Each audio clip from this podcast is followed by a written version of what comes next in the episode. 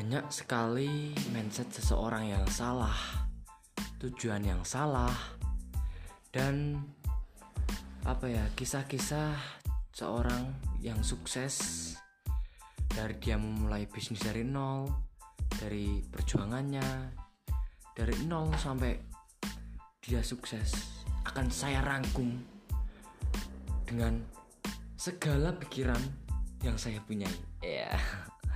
Dan inilah podcast yang uh, bisa dijadi podcast yang nggak berguna lah. Nggak berguna ya nggak apa-apa. Oke, selamat menyaksikan.